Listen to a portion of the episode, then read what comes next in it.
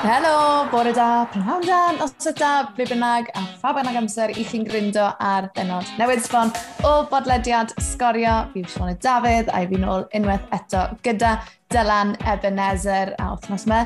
I ni'n mynd i fod yn trafod holl ddigwyddiadau uwch gyngrau'r Cymru a ni'n mynd i fod yn cael cipolwg ar y Cymru ar draws y cyngreiriau. Hefyd, ni'n mynd i fod yn clywed gan tîm hyfforddi Aberystwyth, y tîm hyfforddi mwyaf profiadol o ran gemau wedi eu chwarae yn y gyngrair gyda dros 1,300 o gemau rhwng Barry Morgan, Stuart J. Jones, Gary Lewis ac Antonio Corbisiero thema Aberystwyth. Da ni wythnos me, bach o Aberfest.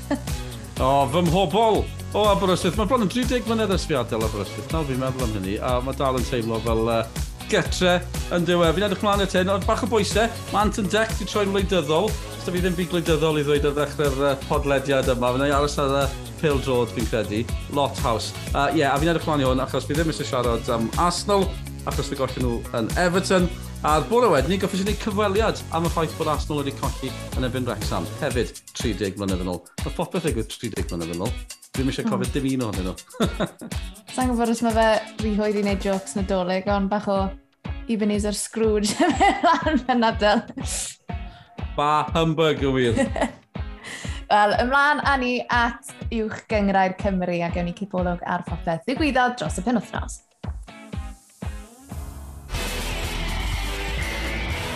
Newch ni ddechrau ar faes tegid felly, na lewn ni nos Wener.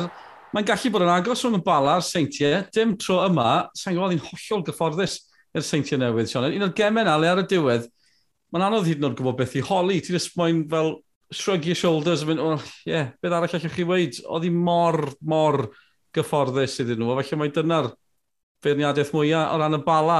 Chad, o'ch chi'n gwybod am dachrau pa ffordd oedd y gêm na'n mynd?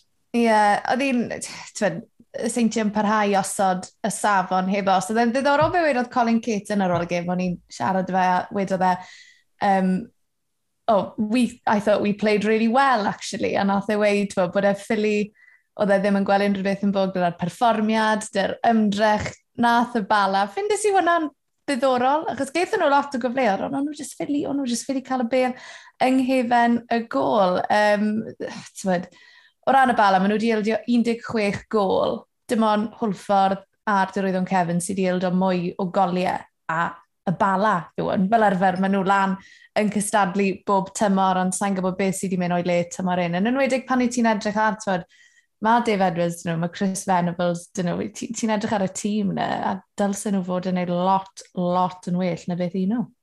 Gweld eisiau Venables nos Wener, fi'n gwybod, ond dylwn nhw ddim gwneud gymaint o hynny mm. o hmm. waniaeth. A, ie, mae'r amddiffyn na, maen nhw'n ildio goliau diri ar un o bryd. A um, nes i fwynhau gweld y seintiau, ond nath Jordan mm. Williams dal yn sylwi, dim am y tro cyntaf tymor yma. Mae'n ma rhyfedd, feithio mae'n cymryd gêm fel yna i chi sylweddoli ffain o potensial sydd â chwaraewr. Oedd yn edrych yn grifio, ond Ben Clark eto, a mae Cymanus dal yn sgorio. Mae'n edrych yn, ma nhw'n edrych yn grif. Dwi ddim yn meddwl, allai bala fod allan o'r chwech a cyn bwy hir, wel, pen wythnos yma, y ffordd mm. mae pethau mynd, Ah, a dachr tymor, chi'n meddwl, o, maen nhw'n mynd i herio eto, ni'n gweud rhywun peth tymor diwetha, am ba mor hir mewn yn parau, am o'n ni, beth yw i uchelgais nhw? un Yn hapus le maen nhw? Ta'n gyda'n hapus le maen nhw ar hyn o bryd, felly, um, yeah, dyddiau diddorol. A di bod asbrynyddodd Colin Caton, falle bod e'n ffind ein anodd ysbrydoli nhw, dwi'n mynd gwybod ar hyn o bryd, ond uh, mae'r seintiau mynd yn y cyfeiriad cywir, ta beth, dim am hynny, uh, Mr Limbrick digon hapus. Na le ddechreuodd pethau ddo fe, na gyfe, yn, yn y bala, felly oedd e digon hapus. Uh, digon hapus mynd nôl na. Ti'n credu bod Colin mewn trafferth, Dyl? Fi'n credu mai uh, dim ond pobl sydd tu ôl y bala sy'n gwybod yr ateb i hynny, achos fi'n gwybod mm. beth yw, be mae disgwyliadau nhw, beth yw targedau nhw. Um, byddech chi'n tybio bod nhw angen Ewrop, mae yna fuddsoddiad. Dwi'n mynd gweud, ydych chi eisiau rhywbeth yn ôl o'ch fuddsoddiad. Mm. Mae cwpl o dymhorau nawr, le maen nhw ddim wedi cyrraedd Ewrop a pam gollen y rownd derfynol y gyfel gyfle yn ebyn Met, so mae'n digwydd eto, fi'n mynd gwybod, bydd unrhyw dîm arall byddwch chi'n dechrau holi, os oes mae dyma'r carfan gryfa maen nhw'n rioed cael. Mae'n teimlo eitha cyfforddus na, neu gwi, mae pawb yn apus, popeth yn cyfforddus. Oh, come on, bydde, ni jyst yn rhwystredig, achos o'n i wir yn meddwl bod nhw'n gallu herio. Um, Dwi'n mynd edrych fel hynny ar hyn o bryd. Mae'n gynnar, yw i'n gynnar? Na, mae'n rhagfyr, come on. mae'n ddolig, mae'n ddolig. Nes i fod yn cwpl o berffrimiadau dros y penwthnos, Um, a Flint eto, ddim yn diddorol mm. clywed Neil Gibson yn dweud bod nhw wedi cael amser i, um, i ail danio fel petai, jyst i ystedd yn ôl a cymryd stoc o siwm o pethau wedi mynd. A maen nhw wedi colli ambell i gêm tymor yma. Maen nhw wedi taro yn ôl. Bod tro maen nhw wedi colli, maen nhw wedi taro yn ôl. A dal nhw'n syth yn ebyn uh, Holford. Mae yna stori ran Holford yn amlwg, ond oedd uh, Jack Kenny a Mike Wilde eto. Mae ddau ma ffab. Fi wrth y modd yn nhw. Hmm. Mae'n gol Mike Wiles, mae'n mynd drwyddo yn ebyn y gol geidwad un am un, a chi'n gweld i, a chi jyst yn meddwl, tiod, ble mae morgais i, fi'n mynd i roi ei gyd fan hyn, ti'n mynd mewn i'r casino, ti'n rhoi lwmpo fel awr, os oes na roulette wheel, a'r unig opsiwn i lle coch neu di, yw Mike Wild i sgorio un yn erbyn un, bydde ti'n mynd amdani. Dwi'n mynd edrych fel fan hyn fethu, felly ie, yeah, nes i, e, nes i ddim mwynhau o performiad y Flint, dwi'n mynd siŵr bod Holford i mwynhau honna, cofia. Mm. 23 gol rhwng Kenny a Wild tymor yma. Y ddau newydd hefyd, am dau drosglwyddiad. Fi'n gwybod maen nhw wedi goffod beth soddi, ond tio, pan ti'n fynd allan ar oedd o dau ymwysodol, ti eisiau nhw greu bach o impact, neu ti? Mae'n methu cwyno. Mae'n gymos. Uh, ti wedi crybwyll allan barod, dyl y stori fawr, really, o'r penwthnos yw fod Wayne Jones wedi penderfynu gadael hwlffordd, hwlffordd yn disgyn ar ôl y golled na yn erbyn y fflint mewn i'r safleoedd y cwymp. Jyst mae'n gweud, fi'n credu hwnna yw un o'n hoff eiriau Cymraeg i, cwymp. Cwymp. Ond, cwymp. Da fi problem, achos does dim geiriau Cymraeg am promotion a relegation, ond mae esgyn, wel, esgyn a disgyn. Falle, yw e, ar ôl meddwl, fi wedi drysu'n hunan fan yna. Ond ti ond mae'r safle oedd y gwymp. a fo Squid Game. Ta waith, fel welwn ni, Wayne Jones yn ymddiswyddo ar ôl y golled yna yn erbyn y Flint. A mae wedi bod yn rhan o'r clwb yna am siwgament o amser. Dyl, ti'n surprised i wele? I wele mynd? Um, falle, um, achos well, gen i glywed yn awr yn y man, E oedd y ddim arwydd ar ôl y gêm bod yn mynd, le nath e jyst gyfadde'n blwmp ac y blaen bod nhw mewn bwydio i aros. Mae'n ddim mor bositif, mae'n e wastad yn gwenu, fe fyna, dim os beth sy'n digwydd ar y ca. A ti, mae'n fwy hyfryd. Um, Wolvesy, fel maen nhw'n galw fe, yn gyfnogwr mm. mawr o, o Wolves, Wolverhampton Wanderers hefyd, ond uh, doedd i bach o sioc bod wedi mynd, sy'n gwybod beth sy'n digwydd, gen i uh, lisgo fe ar y podlediad cyn bo hir i glywed mwy am hynny, ond uh, dyma da fe wedi ar ôl y gêm na yn y Flint. We're in a relegation battle trust me now when I say that, we are in a relegation battle. And unless we perform a lot better than we did today, in terms of the manner we're conceding goals, as well as not taking them. You know, we're in great areas, good chances here. Unless we can sort that out, we are in a relegation battle. We know that. We're realistic enough to know that. Um, and players are playing for the future with us now. Wayne Jones fan yna, a wedyn yn penderfynu uh, rhoi'r ffidil yn y to fel petai yn hwyrach yn yr wythnos. Felly, maen nhw gatref yn bala per wythnos yma, a Sean Pemberton, cyn gapten, mae fe wedi rhywbeth bod na esblynyddoedd fyd, gyda Jazz Richards, felly nhw fydd yn gofal y tîm am nawr, fydd na interim, fel mae Man United wedi wneud, interim cyn cael interim arall, pwy o wir, na fe ni angen, mwy o reolwyr dros dro.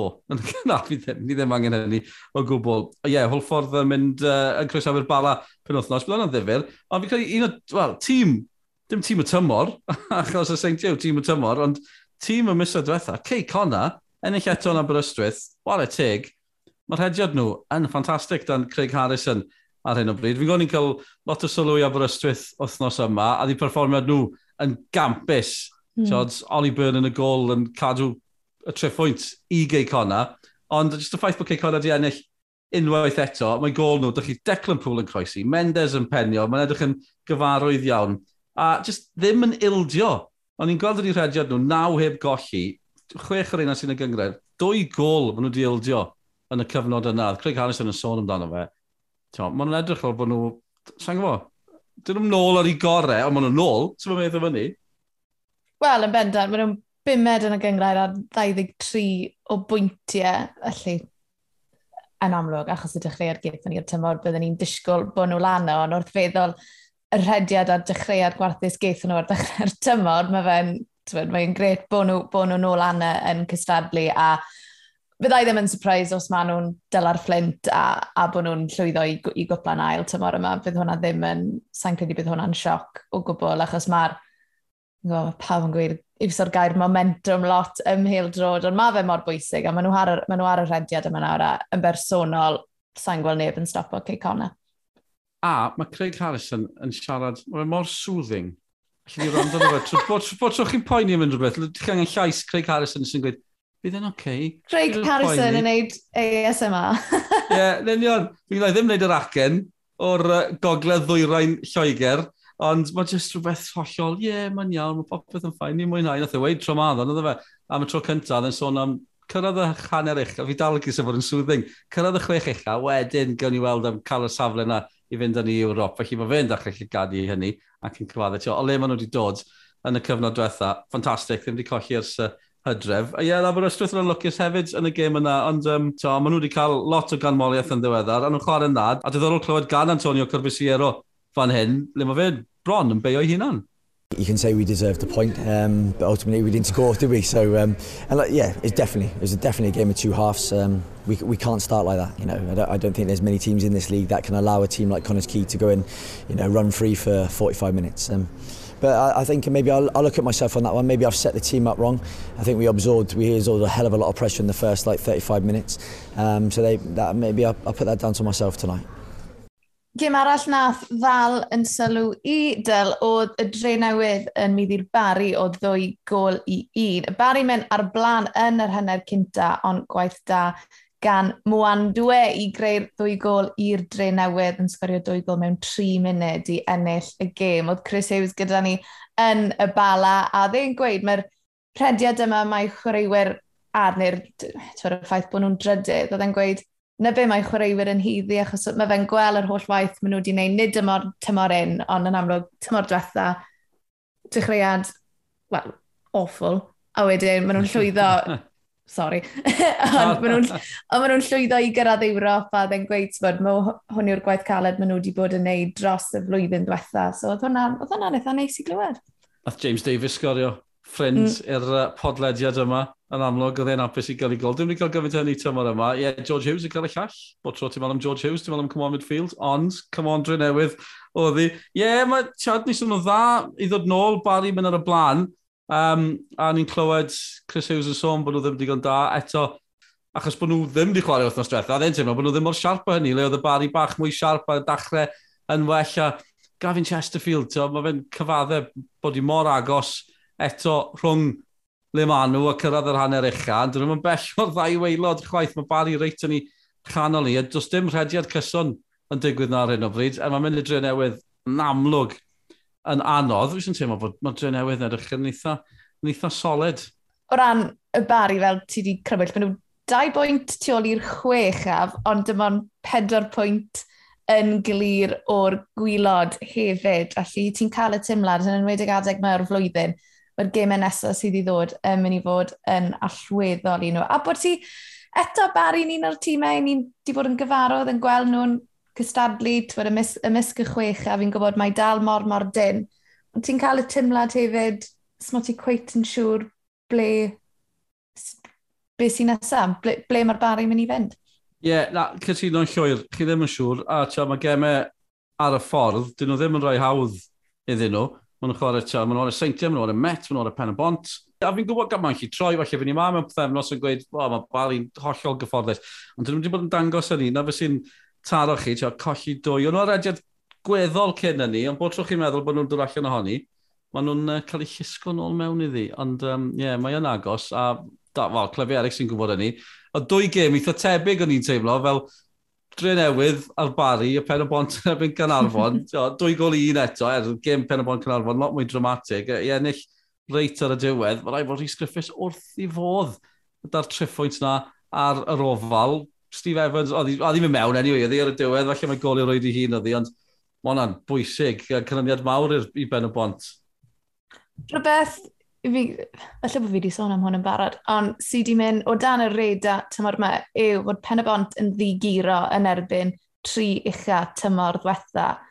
Fi jyst dal yn credu bod hwnna jyst yn hollol anhygol. Maen nhw'n wario'r seintiau newydd pen wythnos nesaf, bydd y gêm yn am fyw, ar S4C, ond fi'n mynd o flan y gofyd fan hyn. O ran Cynarfon, rhestl, Cynarfon di colli i pedwaredd gêm yn olynol ar yr ofal. Felly ti'n ti, meddwl am yr ofal a ti wastad yn meddwl bod e'n le anodd i, i, i dîmau e fyn, bod, e twyd, bod wedi fod yn rhywle, well, bod rhywbeth o fear factor wedi bod yna yn y gorffennol, ond i ti'n teimlo gyda'r record gartre Cynarfon tymor un, taw nid hwnna yw'r sefyllfa agor. Mae dy fi y ffactor fod tro fi'n mynd na. Fi'n jocan, ti wrth y modd na. Ni cael croeso ffantastig ar yr ofal, fi mewn trwbl. Nawr. Fi'n gwybod, a i cefnogwyr nhw, tio, fi'n gwybod pan oedd dim cefnogwyr, oedd canlyniadau dros y lle i gyd, ble oedd ffrai clyfriau gyda record gwell oddi cartre na gartre. Mm. Chi'n disgwyl i hynny. Hynny newid. Mae'n rhyfedd, achos enillion nhw yn holffordd pen wythnos cyn hynny, can arfon. Felly, tio, dwi'n mynd lot o synwyr ar hyn o bryd, does dim lot o bethau neu synwyr o ran Pil Drods weithiau. Pwy o wir, sa'n gwybod beth sy'n ymlaen dy Cynarfon, a fi yn gwybod beth sy'n ymlaen reit ar y gwylod. Dyrwydd o'n cefn colli eto yn erbyn uh, Met Cerdydd. Penawdau o hon, uh, dwy gol i Adam Rosgro, hynny ddim yn digwydd llawer, ond oedd e ymysg y goliau. Mae'r goliau ola, ddyn un yr un, da rhyw, be, i munud i fynd, llai na i munud i fynd, a mae'r ddwy gol ola, mae dyrwydd o'n cefn yn ildio. Wel, gewn ni glywed ei rheolwr nhw nawr hefyd. Ond uh, yeah, dyf sy'n fi sôn am dim byd. Mae ymateb Andy Turner yn dweud y cyfan. Comical, comical goals, comical errors, um, charity goals, we got, and they've got to stop, you know, because if we don't do them things, we get something out of the game. You know, from we've had some really good performances of late, and we haven't got what we deserve. But you know, if if we're going to do them things in games, you get what you deserve. But we're on the ascendancy. We're back to one all. And I'm thinking, go on then, lads, go on. Let's, and you probably even thought that. And that's what happens. So, you know, that's, that's, that's, that's, that's it in a nutshell, really. Andy Turner yn dweud y cyfan, maen nhw wedi taflu'r gêm na i ffond. Dwi'n mynd siŵr sy'n taflu'r gêm i ffond, ond maen ddwy gol ola. Wel, cewch chi weld nhw ar gwefannau sgorio. Maen nhw yn ofnadw, comical, beth yw hwnna yn Gymraeg, sgwni. Na hi, am nawr, o ran uwch gyngrau'r Cymru, nawn ni edrych ymlaen y tren sydd wedi ddod pen othnos yma cyn ddiwedd y podlediad hefyd, ond um, Sione, dwi'n mynd i daflu seithdraw at o ti i fynd o gwmpas y Cymru yn y cyngreiriau. Oce, okay, felly dyma beth sydd wedi bod yn digwydd o ran y Cymru yn y cyngreiriau wythnos yma. A fi am ddechrau gyda Leeds United achos nath ymwysodwr Cymru a Leeds Tyler Roberts sgorio i gol gynta o'r tymor ar ei ganfed ymddangosiad i Leeds Ddydd Sil mewn gêm gyfartal o ddwy gol yr un yn erbyn Brentford yn uwch gyngrair Lloegr. Mae e dim ond i sgorio 9 gol mewn 93 gêm gyngrair i Leeds United. Felly, oedd hi'n hen bryd i Tyler Roberts sgorio yn bendant. Draw yn Stoke, Adam Davies, llech yn lan ddydd syl o ddi cartref yn erbyn QPA yn ennill o ddwy gol i ddim. Nath ei dderbyn lot o glod am ei berfformiad, arbeidodd gic o'r smotyn gan Charlie Austin yn ystod y gêm. A fe, mae rhaid i weid, yw'r unig golwr o garfan Cymru, wel, o garfan mwyaf diweddar Cymru sy'n cael munudau cyson ar y ca ar hyn o bryd. Draw yn Derby County, mae'r captain Tom Lawrence, mae wedi cael ei enwebu ar gyfer gwobr chwaraewr y mis, y cefnogwyr ar gyfer mis tachwedd. Mae wedi sgorio tair gol a chreu dwy gol yn ystod y mis. A mae yn ôl pob sôn, Norwich o uwch gyngrair Lloegr wedi dangos diddordeb yn y Cymro yn ddiweddar. Ond rheolwr Dabi, Wayne Rooney, yn benderfynol bydd Lawrence am aros gyda'r Rams tan ddiwedd y tymor. Draw yn Spurs, o mae yna ddau Gymro sy'n cael amser tra gwahanol i'w gilydd ar hyn o bryd. Nawr ni ddechrau gyda Joe Rodon achos mae'n parhau i fod yn gyfnod rwystredig iawn i'r Cymro ifanc. Dim ond un ymddangosiad cyngrair i dîm Antonio Conte tymor yma. Ond yn wahanol iawn i Joe, wel mae Ben Davies yn joio byw. Mae'n Twitter feed i wastod llawn cymoliaeth o gefnogwyr Spurs. Nes i hyd yn oed wel bod rhywun wedi defnyddio ei sgiliau Photoshop i roi llun o Ben Davies yn dyla'r balen do. Yn gweud, sori Lewandowski, bydd rhaid i ti aros blwyddyn arall, achos Ben Davies bydd yn ennill y balon do nesaf. Felly, da iawn Ben. O, mae mor braf dweud y gair Ben heb gweiddi, achos Ben yw enw cini. Fan hyn, wedi enwi ar ôl Ben Davies, wrth gwrs. Mae fe'n blas ffyddlon. Mae fe'n na mae fe'n solid trwy'r amser. A chwaraewr, dim y ci, mae'r ci'n nuts. Ond, um, yeah. a mae cefnogwyr Spurs yn cael ei Davis, fe, Sioned, o'r diwedd. Wel, o'n i werthyn, o'n i ar Twitter a nath rhywbeth o'r lan ar, uh, ar y feed bod rhywun di photoshopo llun o Ben Davies yn dyla'r Ballon d'Or gweud, sorry Lewandowski, it won't be your year next year either. So, diolch bod cefnogwyr Spurs nawr yn gwerthfawrogi Ben Davies, achos fywyd, sti, mae wedi bod Just mor solid i Gymru. A un o'r rheini, mae mae'n dawel, dyw e ddim yn licio ffys, e, dyw e ddim yn licio lot o sylw. Mae e jyst yn hapus i fynd wrthi i wneud i waith, ond fi mor, mor falch bod cefnogwyr Spurs yn gwerthfawrogi fe. Achos mae e just, ers i Conte i ddod mewn, mae e'n tymlo fel bod Ben Davies just i dadgloi lefel hollol newydd i'w berfformiadau sy'n, ie, yeah, sy'n eitha cool. Mae'n dangos hefyd, cyn lleied mae pobl yn gwylio, oh, ta'n gwybod, dim pil, dim pil dod rhyngwladol, ond gohebwyr, sylwebwyr, cefnogwyr, mm. Tiod, mae'n siŵr bod cefnogwyr Spurs sy'n Gymru yn gwybod yn iawn be mae Ben Davies yn gallu gwneud, achos wedi gwylio fe yn gwneud ei Gymru am y pum mlynedd diwetha a mwy. Mor gyson, fel ti'n gweud. A dwi e ddim yn sioc am fe'n cael cyfle nawr dy conte. Mae'n gret gweld e yn cael y cyfle. Dal yn poeni am Rodon, Na gych chi, mae jyst beth yn y byd sy'n ymlaen mlaen fyna. Dwi'n e jyst ddim yn cael cyfle. Mm. A bod tro chi'n meddwl, bod tro ni'n gweld ei Gymru, mae fe'n edrych mor dda, mor gyfforddus. A wedyn, fel mae lot o gyfnogwr wedi nodi, to, dim conte yw'r cyntaf i gyrraedd White Hart Lane a meddwl bod nhw ddim yn ffansio Joe Rodon. A nath ei wei cwpl o beth amdano fe wrthnos hyn, nath e fe. A ni ganmol e'n gweud bod e'n amlwg eisiau dysgu, ond sa'n gwybod, dwi'n gwybod, mae'n amlwg ddim wedi gweithio iddo fe ar hyn o bryd. Na, a twyd, just fi'n cofio Rob Page yn gweud, fe'r oce, okay, mae symud i glwb mawr. Er, Sorry, fi'n gwybod ti'n cefnogi Arsenal, Dyl, ond symud i glwb...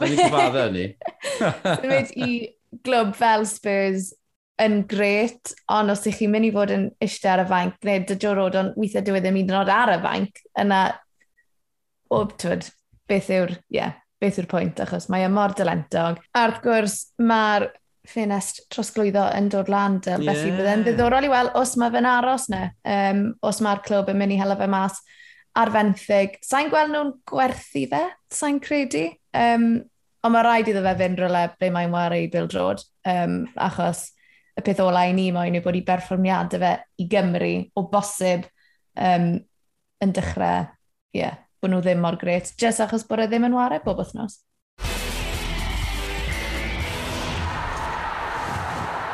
Wel, y gêm ddew fydd ar sgorio nos Wener yw Aberystwyth yn erbyn y dre newydd y gêm yna'n fyw ar blatfformau digidol sgorio a un dyn sydd wedi bod yn syrenu i Aberystwyth tymor yma yw Mr John Owen.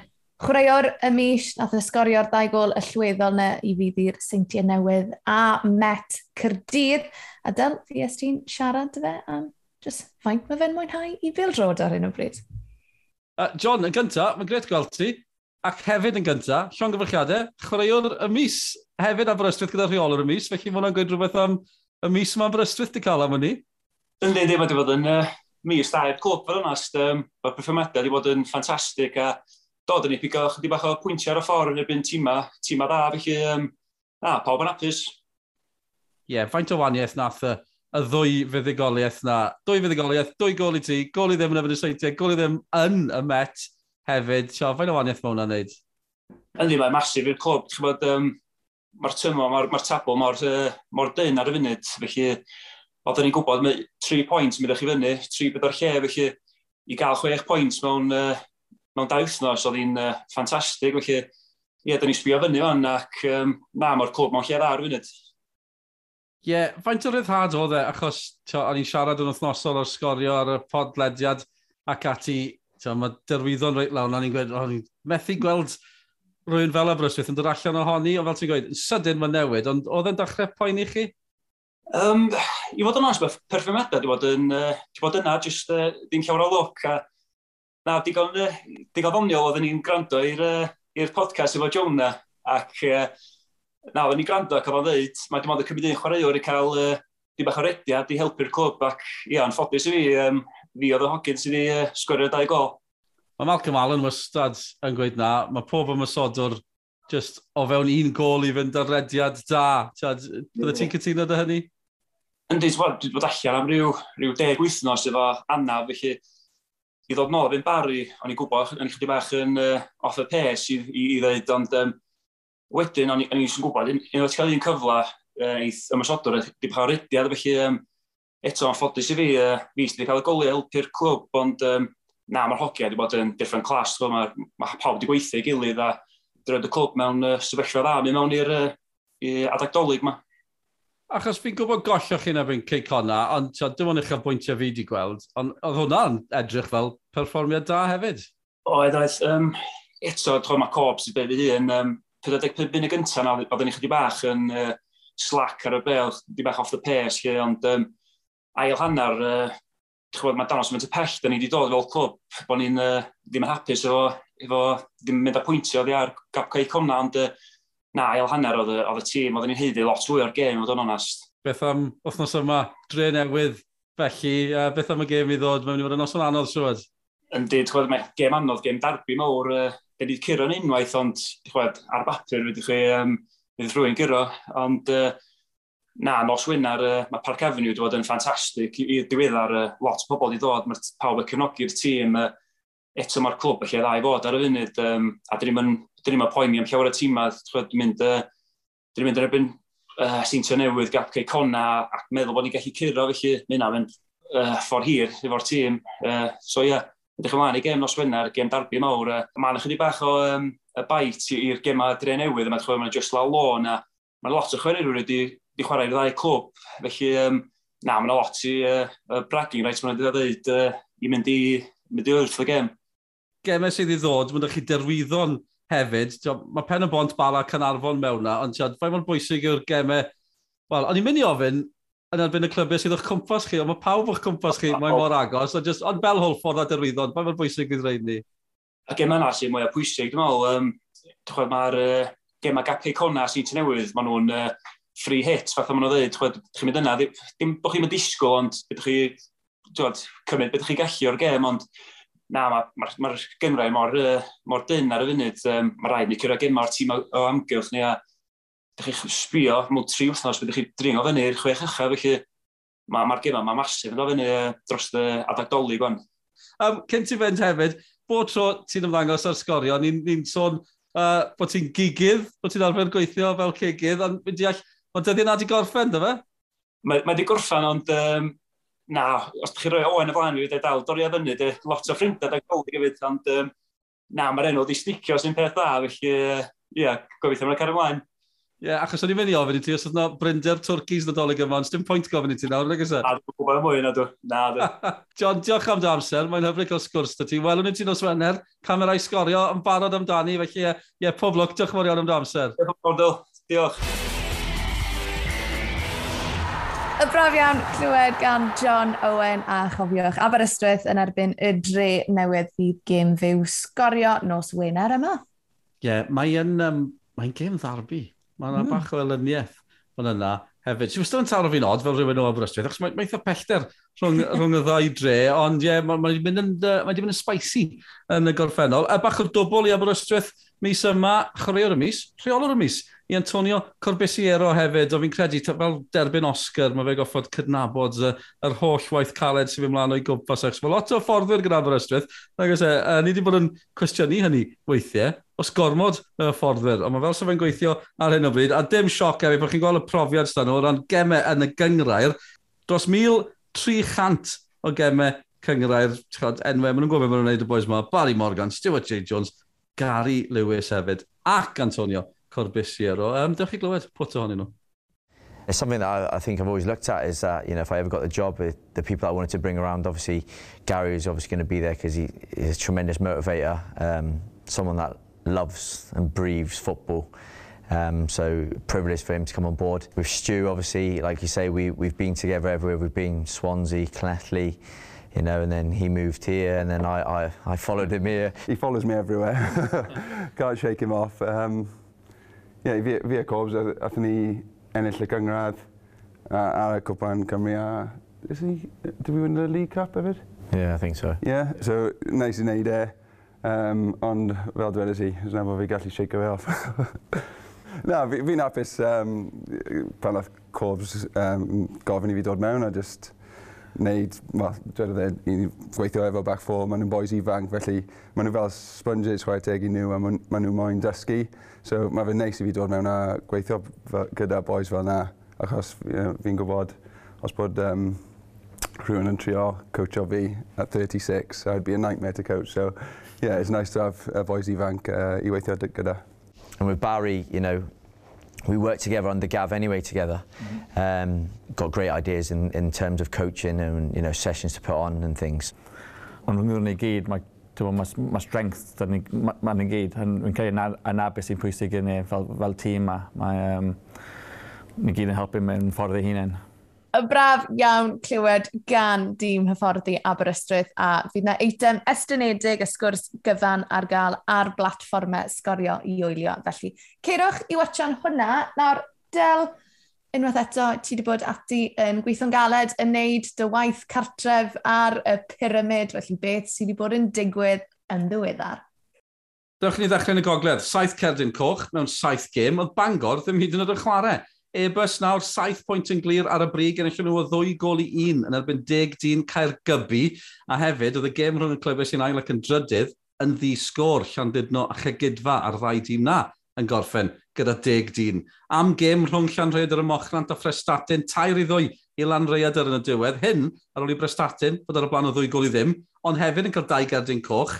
Ian Edmonds yn sgorio hat-trick ar gol fuddigol ar ôl 90 munud, a nath Llanrhaeadr orffen gyda deg dyn hefyd. Dim un cadwyn coch rhwng Rhythyn a Fenryn Coch, digon o goliau, 5 i 1 i Rhythyn, 4 o'r rheini i Jamie Cumming. Um, ni wedi cael gwobrau yn y gogledd a'r de fel yn uwch gyngred Cymru hefyd, a fel yn uwch gyngred Cymru, mae un clwb wedi gwneud y dwbl yn y gogledd triffynon i'w rheini. Rheolwr y mis, Johnny Hasseldine, chwaraewr y mis, Liam Morris, peder gol iddo fe y mis Tachwedd. Lawr yn y de, chwaraewr y mis o Tristan Jenkins, o Rydaman, 16 gol iddo fe yn y gyngrair tymor yma. Rheolwr y mis oedd Paul Evans o Lido Afan. Sut nath e ddathnu? Wel, fe gollio nhw o 8 gol i 1 yn erbyn Pont y Pryd ac at Lido ar y blaen o gol i ddim yn y gêm yna. Felly Ponti nawr, dau bwynt yn glir ar y brig, llenelltid fawr yn ail di colli yn ebyn llansawel o gol i ddim. Luke Bowen gath y gol i Britain Ferry, sef llansawel, deg ddo fe am y tymor, na chi enw cyfarwydd arall gêm fwyaf ddiddorol o bosib oedd Llanelli yn cwrdd â goetre United ac yn ddiddorol achos bod Lee John wedi cymryd yr awennau fel rheolwr Llanelli am y tro cyntaf ar ôl gadael goetre United. Felly, gêm gyntaf fe yn erbyn i gyn glwb, ei gêm ola i goetre United oedd yn erbyn Llanelli. Enillodd e pan oedd yn rheolwr goetre ac enillodd e yn erbyn goetre United pam oedd yn rheolwr Llanelli yn ei gêm gyntaf nhw. Um, ni wedi cael sgwrs dy'r Rhys Reolwr, achos Dylan Blaen yw'r Reolwr, mae wedi mynd gyda Lee John o Goetre United i'r anellu. Dylan yn gymeriad amlwg iawn yn uwch gyngred Cymru, na fe chwarae gyda Holford, hefyd Port Talbot, Dre Newydd, cyfnod yn Llanelli hefyd, felly gysi air bach da fe i fos oedd pethau mynd. Dylan y gyntaf, yn hyfryd gweld ti, long time no see, fel maen nhw'n gweud. Um, Mae rai fi ddechrau'n syth gyda'r newyddion mawr o Goetre United i Lanelli, gyda Lee John, a beth am ni, gyffroes gyda'r gyda, move? Ie, yeah, di mewn cyffroes iawn. Um, yn amlwg, uh, gyda ni tymore llwyddiannus lan, lan yn goetre fyna, a dde ddim yn penderfyniad rwydd. Um, y penderfyniad anodd iawn, y ffrindiau agos a'r clwb yn uh, arferchog lan yn goetre fyna, ond oedd e jyst y cyfle um, cyfle o, a clywed fe mor uchelgeisio popeth yn Llanelli a am symud mlaen, mlaen i'r uwch gyngrair a'r cyfle na felly ni um, fel hyfforddwyr ddoi ni diwaren yr uwch gyngrair a felly trio, trio mynd amdani fel hyfforddwyr os gallwn ni ond fi'n gwybod bod mor cystadleuol mae hwnna'n mynd i fod fyd. Ie, yeah. fi eisiau holi ti am dy ddyddiau yn uwch gyngrair Cymru. Ni'n cofio gweld ti yn y gyngrair wrth gwrs. Ond ie, o ran lot o bobl yn edrych ar y tabl yn mewn yn syml, maen nhw'n golau mae Goethe United, maen nhw'n golau mae Llanelli, fel pam yn y byd byddwch chi'n symud, felly beth oedd yr atyniad? Ie, yeah, yr er, er cyfle falle i mynd lan i rywch gyngrair. Um, Nethon ni cael sgwrs gyda nhw'n Llanelli fyna, clywed fe mor uchel geisiol oedd y clwb um, am mynd amdani i i tro cael y dychafiad i'r uwch gyngrair ar cyfle na, really, uh, yw beth o'n i'n pwysleisio. Gyda'r licenses a pethau sydd uh, angen er mwyn cael y dychafiad, o'n i'n uh, a ni'n uh, cyffroes iawn ar y cyfle fyna wedyn. Achos, tyd, chi'n cofio le o nhw. Ni'n cofio gweld nhw beth nhw lwyddo yn uwch gyngred Cymru. Maen nhw wedi ennill, wel, mae'n lai popeth oedd i ennill ar un adeg. Faint o naid fyddai cael nhw'n nôl mewn i'r gyngred na ti'n teimlo? Ie, yeah, wel, mae'n mynd i fod yn mor cystadleuol. Um, ni'n gweld y clwbiau sydd yn mynd amdani yn yr Cymru South. Um, mae'n mynd i fod yn naid, naid enfawr, ond uh, na beth yw'r bwriad, na beth yw'r nod, felly uh, o'r pwysau arno ni mewn ffordd i treol uh, mynd, mynd, mynd â nhw i fyny os ydyn ni gallu, a fel y ti sôn, mae'n ma just fel clwb, maen nhw um, ma, yn hanesyddol wedi cael y llwyddiant ar y lefel uwch yn waren Ewrop a yn cofio pam oedd uh, Rhys Griffiths yn uh, sgorio'r goliau i gyd dros nhw a ennill uwch gyngrair. Mae ma yna traddodiad o llwyddiant yn, uh, yn y tre a ti'n bod, os gallwn ni, y gobaith yw bod ni felly gallu cael y clwb nôl i'w dynod yna, ond yn amlwg, di hwnna ddim yn uh, byr tymor, hwnna dros o hir tymor. Uh, mae yna'r gobaith, ond uh, gawn ni weld sydd eith pethau yna fe. Mae rai bod nhw mewn lle gwell oddi ar y cae cyn bod nhw hyd yn oed yn ystyried uwch gyngred Cymru, achos jyst cadw'r clwb i fynd oedd, oedd y frwydr am spel, felly mae pethau wedi gwella oddi ar y cae fi'n tybio. O, ben dant, ie. Yeah. Pan wnaethon ni cael sgwrs o bethau mae ma yr uh, datblygiadau yna yn ddechrog, jyst edrych ar y datblygiadau yn yr academi a pethau fel yna, siwt gymaint o chwaraewyr dyn nhw um, o, o, yn y tîmau ddieuenctid a, a tîmau, tîmoedd datblygiad na, um, hyfryd gweld i mewn, mewn ffordd A, Um, a mae hwnna'n rhan o, o rolddyd yn, yn weddol, um, ond yn, yn gyson o ran uh, sôn am pwysigrwydd o dod trwyddo chwaraewyr hefyd, sydd ddim yn byth uh, rwydd iawn uh, i wneud uh, o ran cael y llwyddiad na ar, ar y lefel yma, ond hefyd datblygu'r uh, chwaraewyr uh, ifanc. Um, ond fel tre, mae'n tre enfawr. Um, I fi hefyd, mae'n tre, tre lot o teulu yn dod o, o Lanelli, teulu dad, felly oedd hwnna'n rhywbeth eto, o'n i'n teimlo, a wedyn o le, le dwi'n byw lawr yn y de o'r llewn, um, weddol agos, a yeah, cyfle, cyfle gret i ni, ond uh, yn amlwg yn ni'n gwybod bod yna pwysau yn, yn salman. Felly, mae gêm cyntaf chi i Lanelli yn erbyn Goetre United a chi'n ennill, ond oedd eich gêm ola chi i Goetre United yn erbyn Llanelli, yn y Llanelli honna, mae'r byd Phil Jones mae'n rhyfedd, Dylan.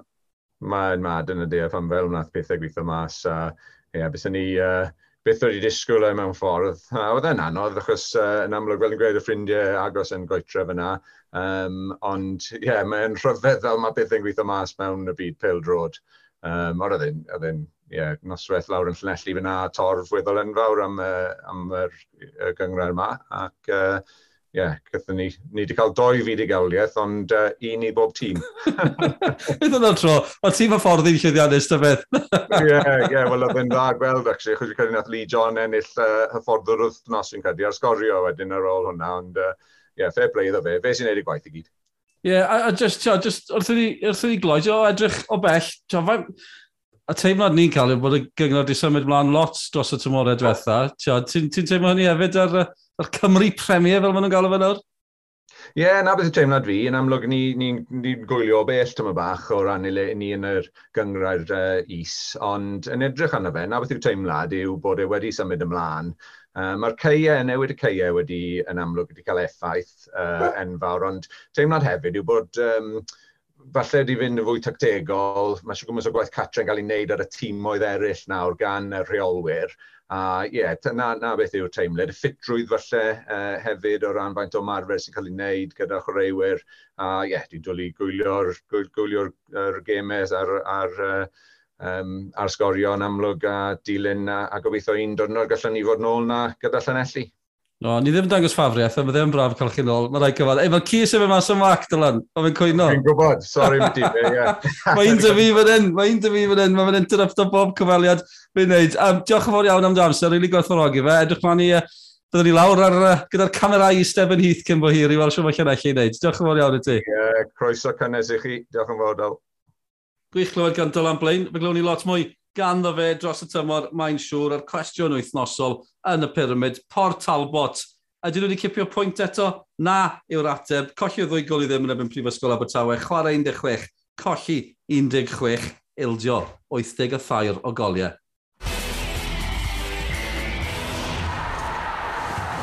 Mae'n mynd i fod yn benwthnos fysi arall yn uwch gyngrau'r Cymru a dyl ti wedi bod yn gwneud bach o maths, achos gylla'r tabl o bosib edrych yn eitha gwahanol erbyn diwedd y penwthnos. Ie, yeah, mae yna lot o stats ym Hildroid, na e? gysell, gych chi ddadansoddi popeth, ond y hoff stat i am penwthnos yma, mae pob gêm rhwng clybiau, un o'n hanner ucha, a'r llall yn yr hanner gweilod. Fantastic, fi'n caru hwnna. Felly, ie, yeah, a gan bod ni'n sôn fwy mor agos i fi tramser yn y tafl, gallai'r tafl edrych yn wahanol iawn erbyn diwedd y penwthnos. Mae Aberystwyth Drenewydd, hwnna yn fyw gyda ni hefyd, pan ti'n gweld bala mynd i hwlffordd, pen y bont gael trefyd yr wyddo'n cem, ddech chi disgwyl hwnna fod yn, uh, yn weddol gyfforddus, ond wedyn, mm. Flint Cynarfon, Cic honna, Met, Barry, neu efo'n y seintiau newydd, os oes rhai o'r yn y hanner gwylod yn gallu achosi sioc fach, mae fe'n mynd i newid pethau yn, uh, yn syfrdanol falle o ran y tabl. Fi'n hoffi pethau fel hyn. Top fi bottom, bring it on am wythnos arall diolch o galon. Unwaith eto am gadw cwmni i ni fan hyn ar bodlediad sgorio. Del, beth sy'n digwydd y ti dros yr wythnos nesaf? Wel, fi'n brysur yn amlwg yn helpu Sean Corn i baratoi ar gyfer Nadolig. fi'n mynd, uh, fi'n fod mynd i werddon pen wythnos yma, mae'n briodas na. Felly, uh, croesi bysedd fel lot o bobl eraill byddwn ni'n cael teithio, ond ie, um, yeah, gwyliwch y gofod, fi ddim yn gwybod yn yma. Da fi um, Mae da fi rhyw hyn llen ymhen, byddai'n hedfan draw i'r Ynys Werdd, a byddai'n nhw'n newid y canllawiau teithio, byddai ddim yn cael dod nôl. Ond na fe, ni'n iawn gyda Zoom dyddi yma, byddai'n siarad y tu o werddon falle, wythnos nesaf, Sianed. Wel, tra bod ti'n joio cwpl o beint o Guinness, fyddai yn Aberystwyth, goedlan y parc, nos, Wener, hwnna, cofiwch, yw ein gêm fyw ni a hefyd bydd digon o gynnwys o gyngreiriau Cymru ar gael ar-lein dros y penwthnos ar ein llwyfannau cymdeithasol at sgorio. Ie, yeah, cofiwch hefyd, ma modd gwrando nôl ar y cyfan ni wedi bod yn neud dros yr wythnosau diwetha. Digon ohonyn nhw hefyd ambell i bodlediad uh, hirach gyda enwau mawr o'r gêm. O Andy Morrison yn ôl ddyfadel, Cey Conna, cyn Gapten Cymru, Ashley Williams, Dave Edwards na sy'n gyda'r bali erbyn hyn, Ian Gwyn Hughes hefyd, a bydd yn un arbennig arall i chi cyn diwedd y flwyddyn. Na chi addewid bach ganddo ni. Felly, cofiwch tan ysgrifio ac i ymuno â ni dros yr wythnosau nesaf. Felly, o fi, Adel, diolch am rando eto. Sori i'r cynhyrchydd Sean, achos mae wedi cymryd ages i ni recordio'r benod yma, achos i fi, Adel, dros y siop braidd. Paid gweud pethau fel a, bydd y gyd yn swnio'n iawn ar y diwedd. well ni fynd. Ta-ra! Ta-ra!